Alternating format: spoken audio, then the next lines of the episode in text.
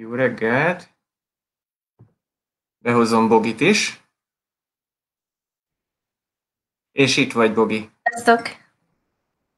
Jó reggelt! Hát még mindig az a helyzet, amit, hogyha esetleg valaki nézte a Zsidók Jézusért szombatköszöntésben a, a megjelenésünket, ott is így volt, hogy Bogit Kecskemétről kellett, hogy ide hozzam a kájha elé, mert hogy édesanyját látogatta meg, aki most ott sajnos kórházban van, és hál' Istennek javul, gyógyul. Mi a helyzet, Bogi? Hát tényleg nagyon szépen gyógyul, de az, az aggodalom az még nem múlt el, hiszen akkor engedhetik el ebből a kórházból a debreceni rehabilitációra, ha nem lesz semmi komplikáció a közeljövőben. Elméletileg talán ma fogják megvizsgálni, és hogyha ma mindent rendben találnak, akkor holnap elengedik.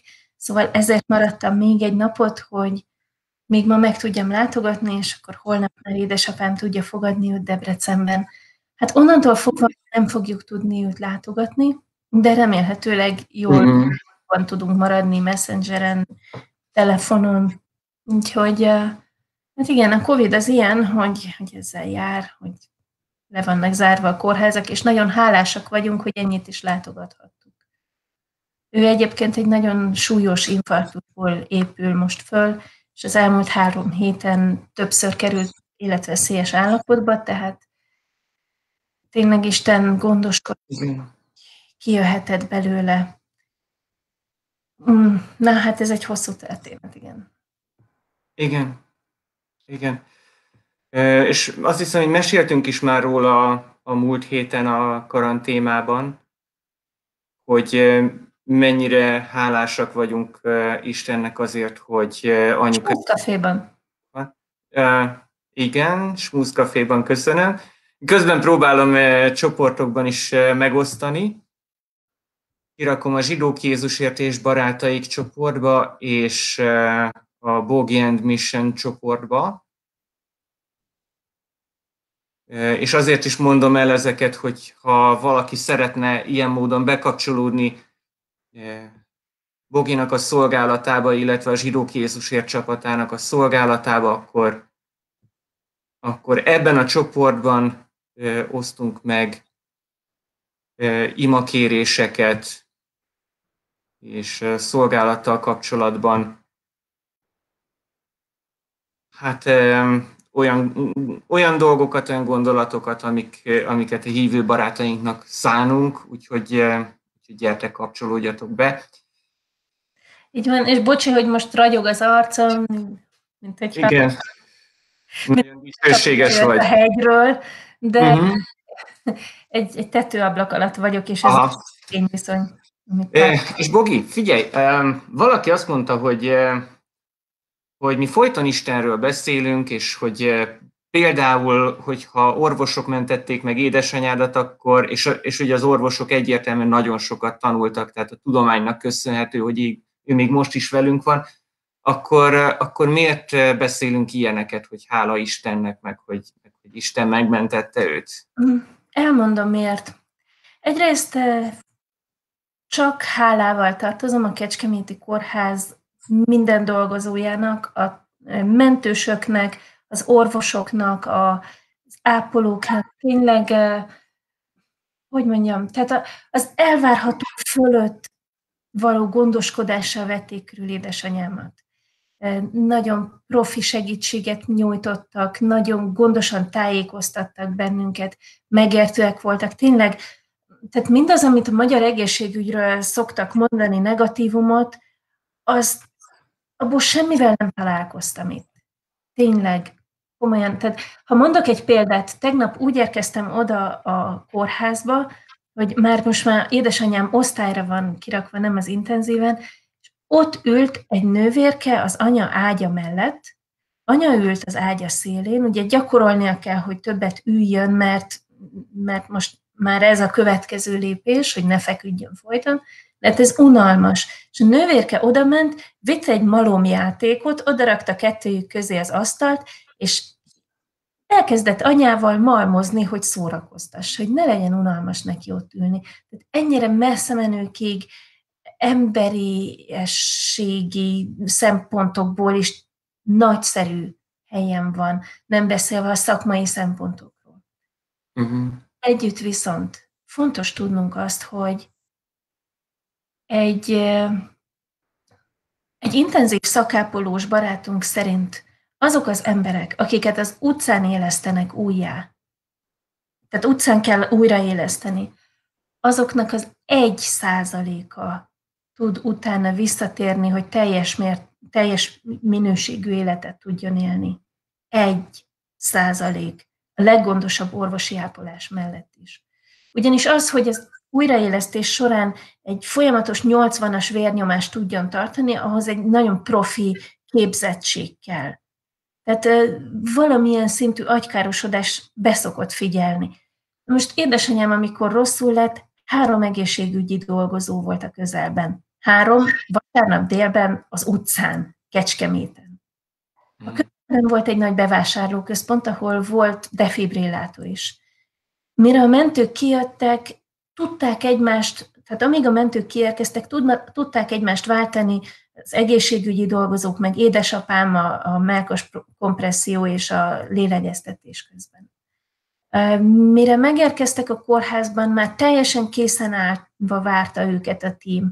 Éppen a, a főorvos úr volt ügyeletben. Tehát nem kellett azon gondolkodni, hogy milyen engedélyek vannak. A lehető legjobb orvos volt ügyeletben. Nem mellesleg a Kecskeméti Magyarország egyik legjobb szív gyógyászati központja, legjobb kardiológiai központja. Ez nem hétköznap történt, amikor van esetleg egy betervezett műtét, hanem vasárnap, amikor, amikor tudtak azonnal ugrani és csinálni. Nem éjszaka történt, hanem nappal, amikor tényleg tudták ezt a műtétet vállalni. Egyáltalán nem olyankor történt, amikor édesanyám egyedül volt. Tehát ott konkrétan halott volt, mikor földet ért. Ha nincs körülötte, ha nincs mellette apa, uh-huh. ha csak egyedül van ott apa, semmit nem tudnak tenni, és ezt az orvosok is mondták, hogy semmi, hogyha egy pici dolog másképp történt volna, akkor semmi esélye nem lett volna életben maradni. Az idő akkor volt a leghidegebb, tényleg a leghidegebb héten volt ez, és olyankor lassul a szervezetnek az anyagcseréje, tehát nem kell olyan nagyon magas vérnyomást biztosítani ahhoz, hogy megmaradjon az agyi funkció. És, és utána végig, én most nem sorolom tovább, de rengeteg pontos, egy apró, apró érdekesség, hogy néztem most, hogy milyen könyvet olvas anya. Azt mondja, ezt a könyvet még ez előtt kaptam édesapától. És a könyvnek a címe az, az hogy túljutsz rajta. És valami ilyesmi az alcím, hogy, hogy segítség a nehéz időkben. Tehát uh-huh.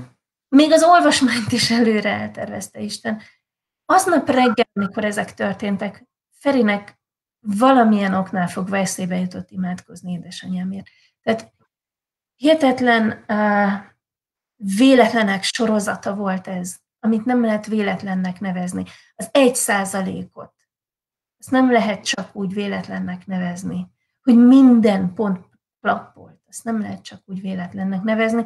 Tehát bár hihetetlenül hálás vagyok az orvosoknak, és tényleg csak jót tudok róluk mondani, és a nővérekről is, nem szabad elfelejteni, hogy Isten keze igenis ott volt. Hogy miért engedte meg rögtön az elejétől. Egyelőre vannak tipjeink, amit érdemes megtanulni ebből. Édesanyám azt mondta, hogy ő ebből megtanulta azt, hogy nincs semmi fontosabb annál, mint hogy egymást szeressük. Szóval igen, hogy ezt miért engedte Isten? Volt vele terve, meg kellett valamit tanulnunk, de már mindent elő, előre elrendezett, hogy a helyén legyen. És hogy megmenekül. Igen. Igen, és azt hiszem, hogy eh, nincs ebben ellentmondás, hogy egyszerre vagyunk száz százalékban hálásak az orvostudományért, és, eh, és a, az embereknek az elkötelezettségért, hogy, eh, hogy, édesanyádat visszahozták, és, és egyszerre vagyunk száz százalékban hálásak Istennek. És azt hiszem, hogy most az utóbbi időszakban, ebben az egy évben az orvosok nagyon sokszor megtapasztalták azt, hogy, hogy nagyon sokszor a tudásukkal együtt is tehetetlenek bizonyos helyzetekben. És hogy borzalmas választások elé kellett nézniük. És, és az orvosok is nagyon hálásak azokért az esetekért, amikor viszont segíteni tudnak. És néha hihetetlen mélységekből ki tudnak segíteni embereket, és nagyon sok ilyen hírt olvastunk, hallottunk, hogy orvosok hitre jutottak imádkozni kezdtek, mert, mert azt látták, hogy, hogy a tudásuk nagyon fontos, kulcs szerepet játszanak, de nem tudják ezt a kulcs szerepet betölteni nagyon sokszor. Van egy nagyobb hatalom, aki, aki, aki melléjük állhat, és, és elkezdenek hinni ebben a nagyobb hatalomban. És, és ez a tudománynak nem mond ellene. Ez így van. Kedvesem, volt más gondolatunk is erre erre a beszélgetésre, meg van egy kávém, és én ma még nem kávéztam, úgyhogy... Ó, te szegény! Ha tudom tartani a szemem. Most, most Nekem is van kávém. Kávét. Ez itt a reklám helye. Ó. Termek, termék megjelenítést tartalmaz. Bocsánat. Majd fordítsd el, ne, ne lehessen. Pontosan milyen márkájú. Az előbb látszott, mint egy... Oh. Hát, ha a fényviszonyok elrontották. Hálásak ezért a rémes megvilágításért. Szia, kedves! Mm. Ez nagyon jó.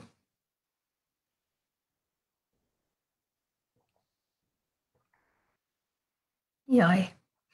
Na, szóval beszélgettünk a múlt héten az ünnepekről, a zsidó ünnepekről, és arra gondoltunk most, hogy egy picit átnézzük, hogy miért, miért furcsák nekünk ezek az ünnepek. Ugye a karácsonyra azt szoktuk mondani, hogy december 24-én van Szenteste, december 25-26 karácsony első-második napja. A húsvét ez már nekünk is macerásabb, mert azt mondjuk, hogy a tavaszi napi egyenlőséget követő holtölte utáni első vasárnap de, de akkor is meg tudunk határozni egy ilyen napot. Na, hogy van ez a zsidó ünnepekkel szívem? Aha, e, és ugye a zsidó... Mindig máskor vannak. Igen, igen, tehát szoktuk azt mondani, hogy a Pészak az a zsidó húsvét, de nagyon sokszor előfordul az, nem nagyon sokszor, de, de évről évre előfordul az, hogy van egy hónap a,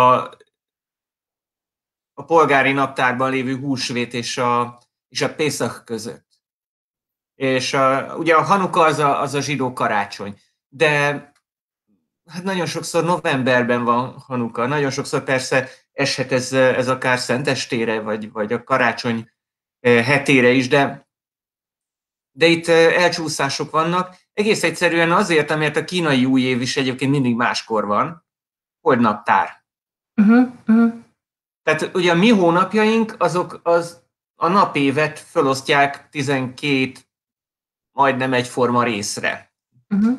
Tehát ilyen, 30-31 napos hónapok, és, és hát azt hiszem Augustus császár volt az, aki kitolta februárral. Uh-huh. A február 28 napos, hogy az augusztus az 31 napos lehessen.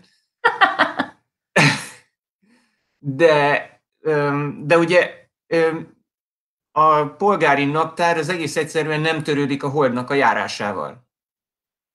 Viszont a, a hold naptár az, az egészen pontosan a hold hónapokat számolja, tehát mindig új holdal kezdődik a hónap, és 12 hold hónap egy hold év, és a 12 uh, hold ciklus az még mindig nem ad ki egy napévet, tehát néha ezeket a holdéveket hozzá kell igazítani a napévhez, vagy az történik, hogy elcsúsznak a hónapok, és bizonyos ünnepek néha télen vannak, néha nyáron vannak. És a megoldás? És a megoldás az az, hogy 19 éves ciklusra határozták meg, hogy 19 éves cikluson belül x év az szökőév, y év az meg nem szökőév, tehát bizonyos évek szökőévek, és a szökő években szökő hónapot toldanak be. Ó, hát ez olyan, mint amikor mondom, hogy aj, ez, erre a hétre kellene egy nyolcadik nap is, hogy, hogy be tudjam fejezni a munkát. Uh-huh. Kapnak egy plusz hónapot? Igen, néha én is szoktam egyébként így panaszkodni, szerintem beugrik neked, hogy jaj, de jó lenne most egy második ádár, de jó lenne az most egy második február. Amikor... Az a gáz, hogy erről mindenki tud erről a hónapról, és nem lehet csak úgy megtartani, hogy na akkor... Igen, igen, tehát Stikában mi tartunk egy, egy, egy extra hónapot. Nem, ez a zsidó naptárban e, időről időre van, ebben az évben most nincsen. De, egy... De várj, várj, várj. Vannak, ünnep, van olyan ünnep, ami pont az Ádár hónapban van, és ez épp a Purim, amiről most szó lesz, azért tudom. Uh-huh. De akkor mit csinálnak? Duplán ünneplik a Purimot? Azt hiszem, hogy akkor a második Ádár az, amiben ezek a jeles napok vannak. Uh-huh. És az első Ádárban szokott lenni a Purim Kátán, a, a pici Purim. Uh-huh. Igen, tehát hogy arról megemlékeznek, de az nem olyan komoly, uh-huh.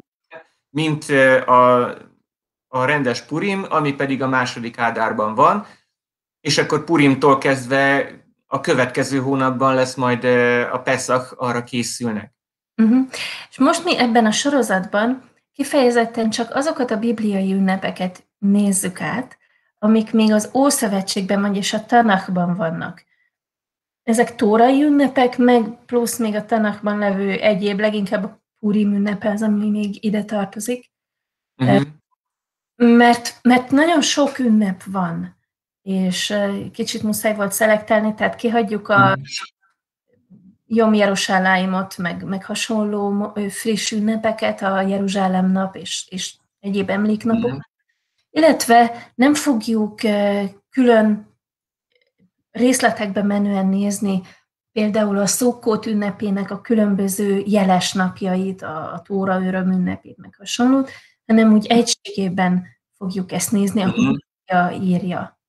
És most éppen a, az első három ünnepről van szó, illetve az első két ünnepről van szó, uh-huh. tudok számolni is, e, mégpedig a fák új évéről, a Tubisvátról, ami neked nagy kedvenced, meg a Purimról, ami nekem nagy kedvencem. Úgyhogy mesélj nekem a, a fák új évéről, amit akartál még. Uh, Igen, a fák új évével kapcsolatban már sok mindent elmondtunk, de a lényeg az, hogy ez e, annak idején nem ünnepnap volt, hanem egy tórai szabály betartásához egy, egy ilyen rabinikus segítség. Ugye a szabály az úgy szólt, hogy ha átültetsz, akkor az első négy évben nem eheted a termését, az ötödik évben ö, ö, már fölviheted a termését Jeruzsálembe áldozatként egy bizonyos ünnepre, és, ö, és hogyha a hatodik évben terem, az már teljes egészében a tiéd. Uh-huh és hogy mi számít egy éves fának, két éves fának. Ugye nem lehet minden fának, vagy nagyon nehéz minden fának az ültetési idejét számon tartani. Uh-huh. Akkor az írásbeliség még egy picikét bonyolultabb, meg drágább volt, mint ma. De én magamat is képtelennek tartom rá, hogy, hogy naplót vezessek arról, hogy mikor melyik fát ültettem, vagy egyszerűen nem fogom tudni, hogy hova tettem a naplómat. A lényeg az, hogy, hogy a tubisvát a fordulópont. Uh-huh. Zsidó időszámítás egyébként. Azt meg lehet jegyezni, hogy melyik évben nagyjából, vagy ha nem, akkor kötsz rá egy madzagot, és rájössz, hogy hány madzagot kötöttél rá eddig. De, uh-huh. de az, hogy melyik napon, hogy most március 6-án vagy február 8-án ültette az ember, ez nem annyira. Igen. Meg. És hogyha március 6-a előtt kivirágzott a fa, akkor az vajon melyik évnek számít? Aha, aha. Igen. De ilyen módon Ilyen módon, ilyen módon a fáknak van egy új éve, tehát hogyha március 5-én ültettem a fát, és nem most uh, marhaságot mondok, tehát uh, hogy Tubisvát előtt egy nappal ültettem a fát, akkor két nappal később az a fa már egy éves. Uh-huh, uh-huh. Ennyi. És aztán eltelik egy év, akkor már két éves lesz, és tehát egy vallási előírásnak a számolásához kell. Így van, így van, és a Tórában nem volt benne, hogy melyik ez a forduló nap. És nem is, volt ehhez, volt ehhez, most ne haragudj, nem néztem meg, de van ehhez előírás, hogy és azon a napon ezt csináld, azt csináld? Mm, nem, nem. Egy, vagy valami. Termését így kell kezelni, hogy az első négy évben tekints körülmetéletlennek. Aha, tehát, hogy de termését, vagyis, vagyis... Ezen a napon menj fel a templomba. Hm. E, igen, és nem ezen a napon, hanem e, én azt gyanítom, hogy ez a e, savót ünnepe lehetett, amikor, amikor általában a fák termését fölvitt uh-huh. Jeruzsálembe, hogy, hogy ennek a fának az első termését is akkor vitték. Uh-huh. Onnantól kezdve volt fogyasztható, de egyébként racionálisan is láthatunk erre okot, mert ugye egy fiatal csenevészfa még nem fogja tudni elbírni a saját termését. Tehát ha hagyjuk, hogy rogyásig teremjen, mint ahogy egyébként a fák akarnak teremni, akár a első-második évben is már, akkor, akkor az a fát megterheli, és, és később fog kevésbé egészséges lenni, és, és rosszabbul teremni, és ezért szokták egyébként manapság is kertészek lecsipkedni a, virágait. Ne is Miért? Próbálkozzon, ne is küzdjön. Miért szereted ezt az ünnepet most? Miért fontos ez nekünk? Van egy középkori hagyomány. Ugye a Tubisvát annak idején az, az egy praktikus fordulónap volt, egy, egyfajta kapaszkodó a törvény betartásához. És később a zsidóság, amikor elszakadt az ígéret földjétől, akkor ezt a törvényt sem tudta megtartani, tehát nem, nem, is, nem is igazán foglalkoztak vele. És a középkorban kabalisták voltak azok, akik a fák új éve kapcsán elkezdtek tubisvát szédert tartani. És emlékezni az ígéret földjének a gyümölcseire. Széder, mint, mint a vacsora rendje, vagy Igen, így van. Tehát a, a, a páska vacsorának szokott lenni egy ilyen szédere, egy ilyen rendje, hogy, hogy mit milyen sorrendben eszünk, azért, hogy megemlékezzünk a kivonulásról, de ezt de nem akarok elé menni. A Tubisvátnak van egy eh, szédere, amit kabalisták a középkorban találtak ki, nincs benne a Tórában, nincs benne a Bibliában, hogy mit milyen sorrendben együnk azért, hogy kapcsolatba kerüljünk az élet fájával.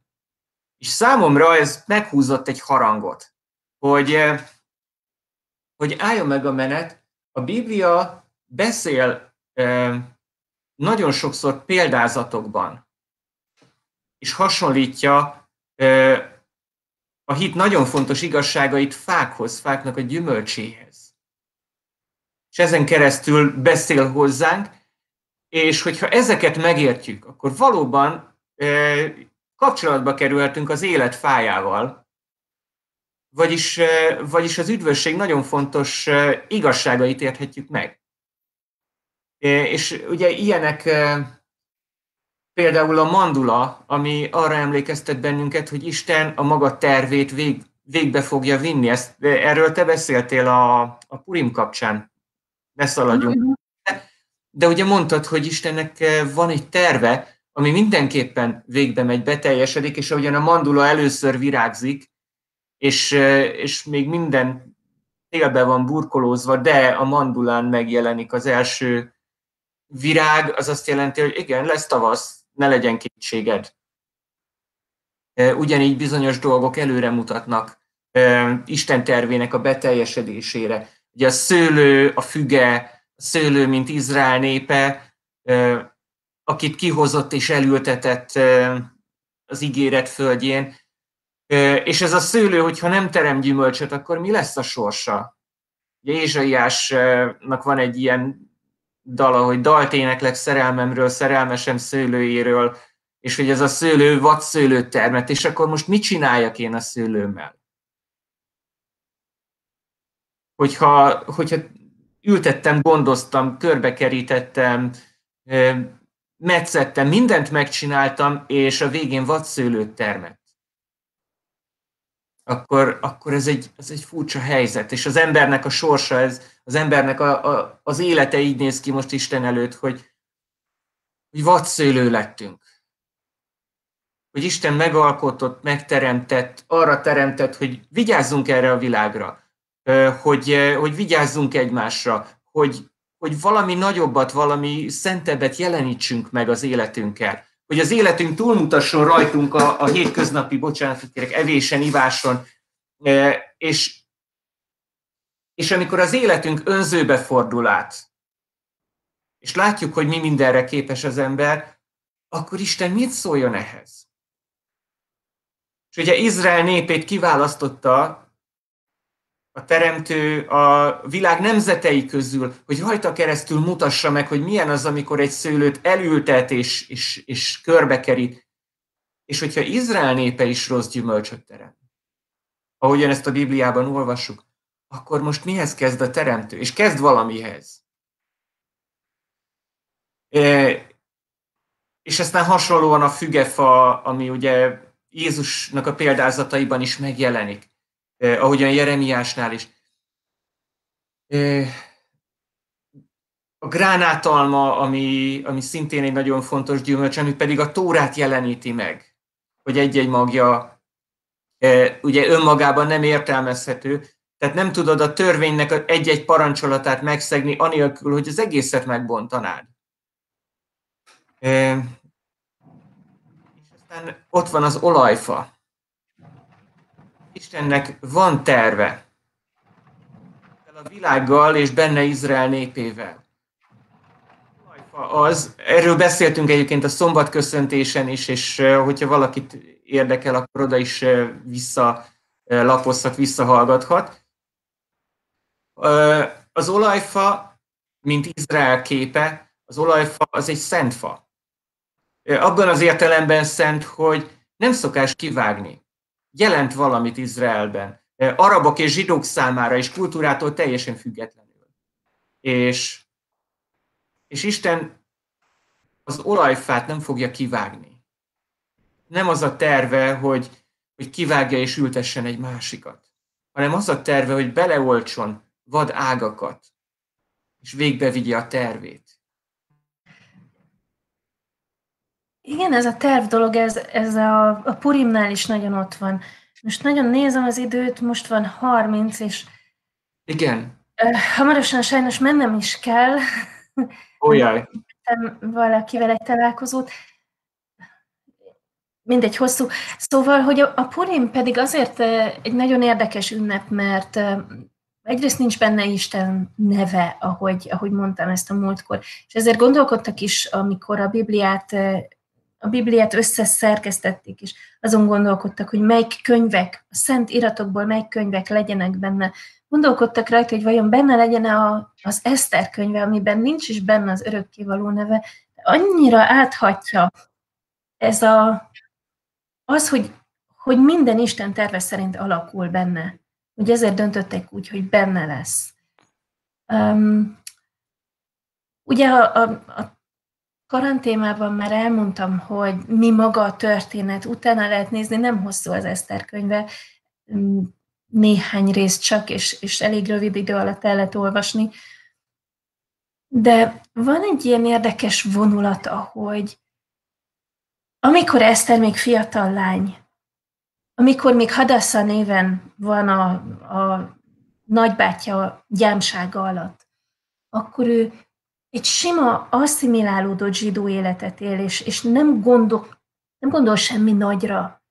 Könyörgöm, egy ókori lány, a, az, hogy mondjam, a, az elnyomott népből, a, a leigázott népből nem gondolta, hogy bármiféle hatása lehetne neki a történelemre.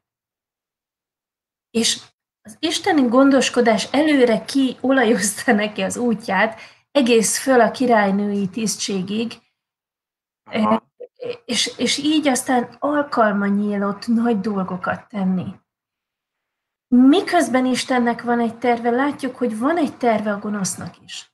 A gonosznak nagyon egyszerű a terve. Még ott az édenkertben kap, kapott az emberiség egy ígéretet, hogy, hogy amikor, tehát hogy a kígyó és a, az, az, a kígyó magva és az asszony magva között ellenségeskedés lesz. És uh, itt, itt nem konkrétan Évára és arra a darab kígyóra vonatkozott ez a dolog, hanem egyfajta szellemi utódlásra. Tehát a gonoszság és az ember között lesz egy feszültség, és ezt a feszültséget fel fogja oldani az, akit itt megígér, az örökkévaló. Hogy, mm-hmm. hogy, te, hogy ő a fejedre tapos, te pedig a sarkát mardosod. A sarkát mardoshatod, de a, a fejeddel véged lesz. Tehát körülbelül ez van ebben az ígéretben. Nyilván nincs ez kibontva, de, de utána többször is elhangzik ez az ígéret. Ábrahámnál, hogy benned áldatik meg a föld minden népe. Tehát, hogy Izraelnek a feladata túlmutat azon, hogy érezd jól magad, kedves. És az egész világ számára hoz lehetőséget. Most, hogyha itt a, az ahasvérus király Hámán tervének megfelelően tényleg kiírtja a zsidó népet, akkor, akkor nincs mesiás, akkor nincs szabadulás, akkor nincs feloldása a gonosz és az emberiség küzdelmének, akkor nincs lehetőség, és akkor vegyük ezt most már az új szövetség tekintetében is, nincs lehetőség az emberiségnek arra, hogy megszabaduljon a bűneitől, és, és újra kapcsolatba kerülhessen Istennel. Uh-huh. Tehát nagyon fontos volt, hogy hiába van a gonosznak egy terve, ami megy előre, Istent nem lepi meg, hanem ott van már előkészít, már előkészítve a megfelelő ember a megfelelő helyen, hogy ezt a tervet megállítsa, hogy ez a terv ne mehessen tovább. Uh-huh. Igen, uh, Istennek a terve a messiás volt. Egy ember, aki betöltötte Izraelnek a küldetését, és, és véghez vitte ezt, a, ezt az üdvösséget. Aki több volt, mint ember, mert, mert emberként csak egy mártír lehetett volna belőle, legjobb esetben is. Igen, igen. Tehát, tehát volt valaki, aki el volt készítve, akinek meg kellett érkeznie ebbe a világba. Nagyon mélyen bele van íródva az emberiségnek a, a lelkébe ez a, ez a vágy, hogy valaki megérkezzen, aki, aki helyreállítja a dolgokat, aki, aki véghez viszi a, a fontos dolgokat. És Isten megígérte, hogy ez a valaki, ugye a Bibliában azt olvastuk, hogy ez a valaki, ez Dávid házából a zsidó népben fog megszületni, egy gyermek születik nekünk, fiú adatik nekünk, és, és Izrael megsemmisülésével Isten persze elküldhette volna ezt a valakit. De nem lett volna nép, aki őt várja, aki hordozza az írásokat, az ígéreteket. És, és Istennek az ígérete hirtelen egy, egy, egy B pályára, egy, egy másik pályára kellett volna, hogy átálljon. De ugye ez nem történik meg. De Jézus Krisztus megszületett ugye Jesua, a messiás megszületett, és az egész világ megváltójaként ismerjük. Izraelnek van még valami szerepe most? Van még valami betöltendő feladata? Hát alapvetően a feladat, a szerep az nem változott, mert, mert azt mondja, hogy pogányok világosságává teszlek. Tehát, hogy, hogy elvileg ezt kellene továbbra is csinálni. Egyfajta nagyköveti szerepe van. Uh-huh. Attól még, hogy a nagykövet mellé megérkezik mondjuk az országnak a képviseletében még egy miniszterelnök is, attól még a nagykövet nem veszíti el a munkáját. Attól ő még nagykövet lesz. Sőt, felpörög a programja. De igen. És azt hiszem, hogy Istennek van egy, egy ezzel kapcsolatos ígérete is, hogy Izrael népe, a népek világossága lesz mindörökre. És Jeremiás beszél arról, hogy ha majd megszűnik az ég és a föld, akkor, akkor szakadhat magva Izraelnek is.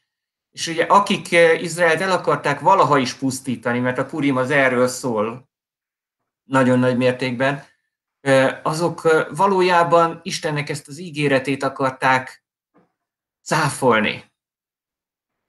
És, és ez azok bármikor, bárhol éljenek is, ezzel az Istennel találják magukat szembe. Igen, és, és megint e, ott van az, amit Ábrahámnak ígért, hogy megáldom azokat, akik téged áldanak, és megáld, megátkozom, akik téged átkoznak. Tehát, hogy ezt látjuk megjelenni az Eszter könyvében is.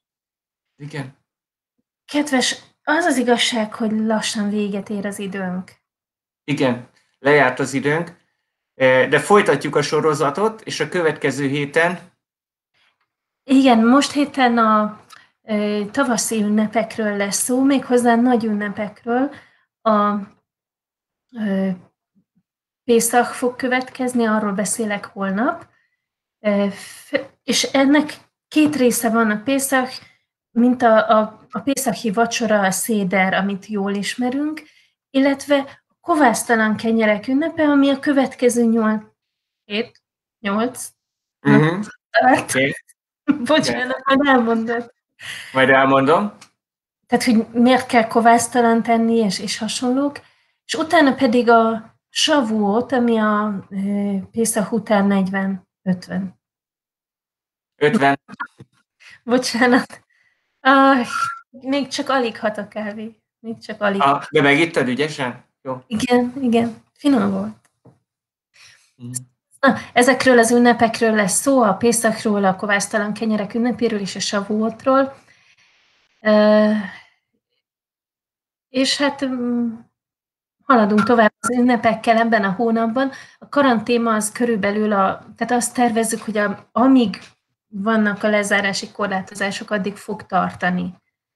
Ezen a héten Katáig fogják a szombatköszöntést tartani, és legközelebb a Túlas Múzon, az majd március elején lesz, és ó, egy nagyszerű embert hívtam meg rá, komolyan annyira fantasztikus, Feri fog beszélni nekünk. Mm. Egyedül is együtt lesz a címe, ugye a karanténnak ez a nagy jelmondata, de de most nem csak a személyes kapcsolataink, hanem az Istennel való kapcsolatunk is téma lesz, majd Feri erről többet fog beszélni. De érdemes meghallgatni azt is, amit Avi mondott a múlt héten, igazán jól sikerült. Talán egy kicsit lecsíptek az elejéből, de lesz ennek egy teljes változata is, igaz szívem? Igen, igen, közzétesszük mindenképpen. Ott a, kilájvolással volt egy kis technikai nehézség, amit mire megoldottunk addigra. Az első pár mondat lemaradt róla, de pótoljuk. Némi félreértés volt köztem, meg Feri közt. Uh-huh. Jól van, akkor... Olyan sötétedik is, mert annyira esik az eső. Uh-huh. Igen, ronda időnk van szó se róla, de, de a föld az hálás lesz érte. Így van. Sziasztok mindenkinek, és szép... Köszönjük, hogy itt voltatok, és folytatjuk.